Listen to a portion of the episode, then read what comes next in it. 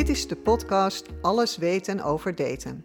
Ik ben Denise Janmaat, datingcoach voor singles die vastbesloten zijn hun partner te vinden. In 1998 startte ik de eerste datingsite van Nederland. Je ontdekt in elke aflevering van deze podcast hoe je het daten het beste kunt aanpakken om sneller en makkelijker de liefde van je leven te ontmoeten waar je zo naar verlangt. Deze aflevering ga ik je vragen hoe ver je gaat. Waar ligt jouw grens? In een gesprek dat ik deze week had met een single vertelde zij dat ze een leuke date had gehad. Het was gezellig geweest, ze hadden een mooi gesprek gevoerd met diepgang en hadden afgesproken elkaar nog eens te zien. Bijna verontschuldigend voegde ze eraan toe dat er verder niets was gebeurd. Ik moet dan altijd een beetje glimlachen. Want er zijn natuurlijk ook singles die vol verve vertellen dat ze op de eerste date al meteen zijn blijven slapen. En het lijkt dan wel of dat normaal is. Ik weet uit de vele gesprekken met singles dat dat vaker niet dan wel gebeurt. En dat is oké. Wie weet ben jij wel de single die nu een zucht van verlichting slaakt en zich realiseert dat het helemaal niet raar is om niet meteen op de eerste date all the way te gaan. Wellicht niet eens te zoenen. Nee, je bent geen uitzondering. En nee, je hoeft je niet te verontschuldigen. Wat er op de eerste, tweede, derde en misschien wel vierde date gebeurt, is aan jullie samen. Eigenlijk bij elke date natuurlijk. Aan jullie samen en natuurlijk aan jou.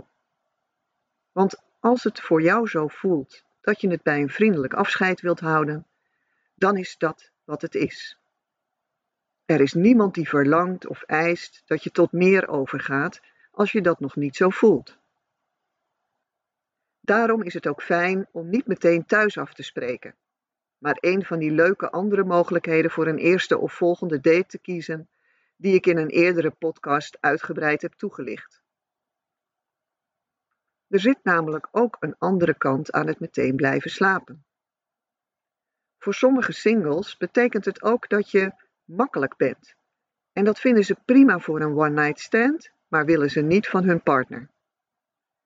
Het kan dus ook een test zijn om te ontdekken hoe gretig je toehapt. Zo zie je maar dat alles van meerdere kanten te bekijken is. En dat betekent dus ook dat je vooral je eigen koers moet varen. Blijf dicht bij jezelf, bij wat jij wilt en waar jij je goed bij voelt. Dat kan dus ook verschillend zijn. De ene keer heb je een date waarmee je wel wilt zoenen, en bij een andere date bewaar je dat liever voor een later moment. Ook goed.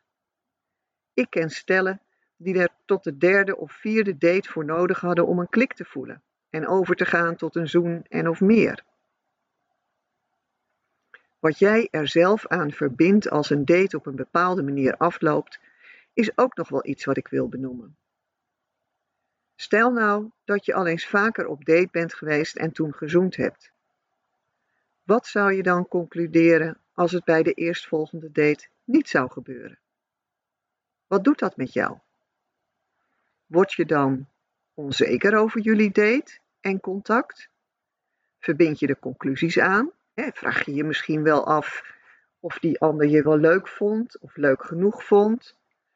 Of nou, sluit je het contact dan maar af omdat je denkt dat er verder niks gebeurt. Het is waardevol om eens bij jezelf na te gaan wat het met je zou doen. En dus ook om na te denken over hoe je ermee om wilt gaan.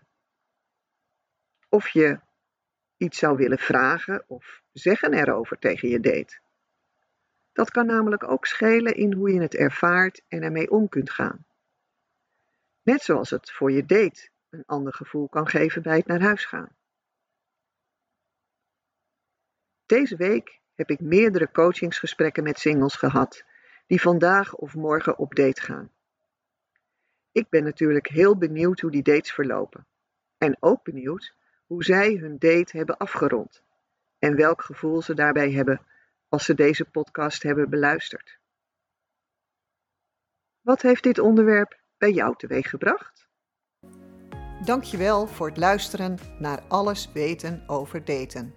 Abonneer je alsjeblieft in je podcast-app, zodat je een seintje krijgt als er nieuwe tips voor je klaarstaan. En ik zou het ook heel fijn vinden als je in je app je waardering voor deze podcast wilt geven. Wellicht wil je zelfs wel op sociale media een beetje reclame maken voor alles weten over daten. Meer informatie over mijn datingcoaching vind je op mijn website denisejanmaat.nl.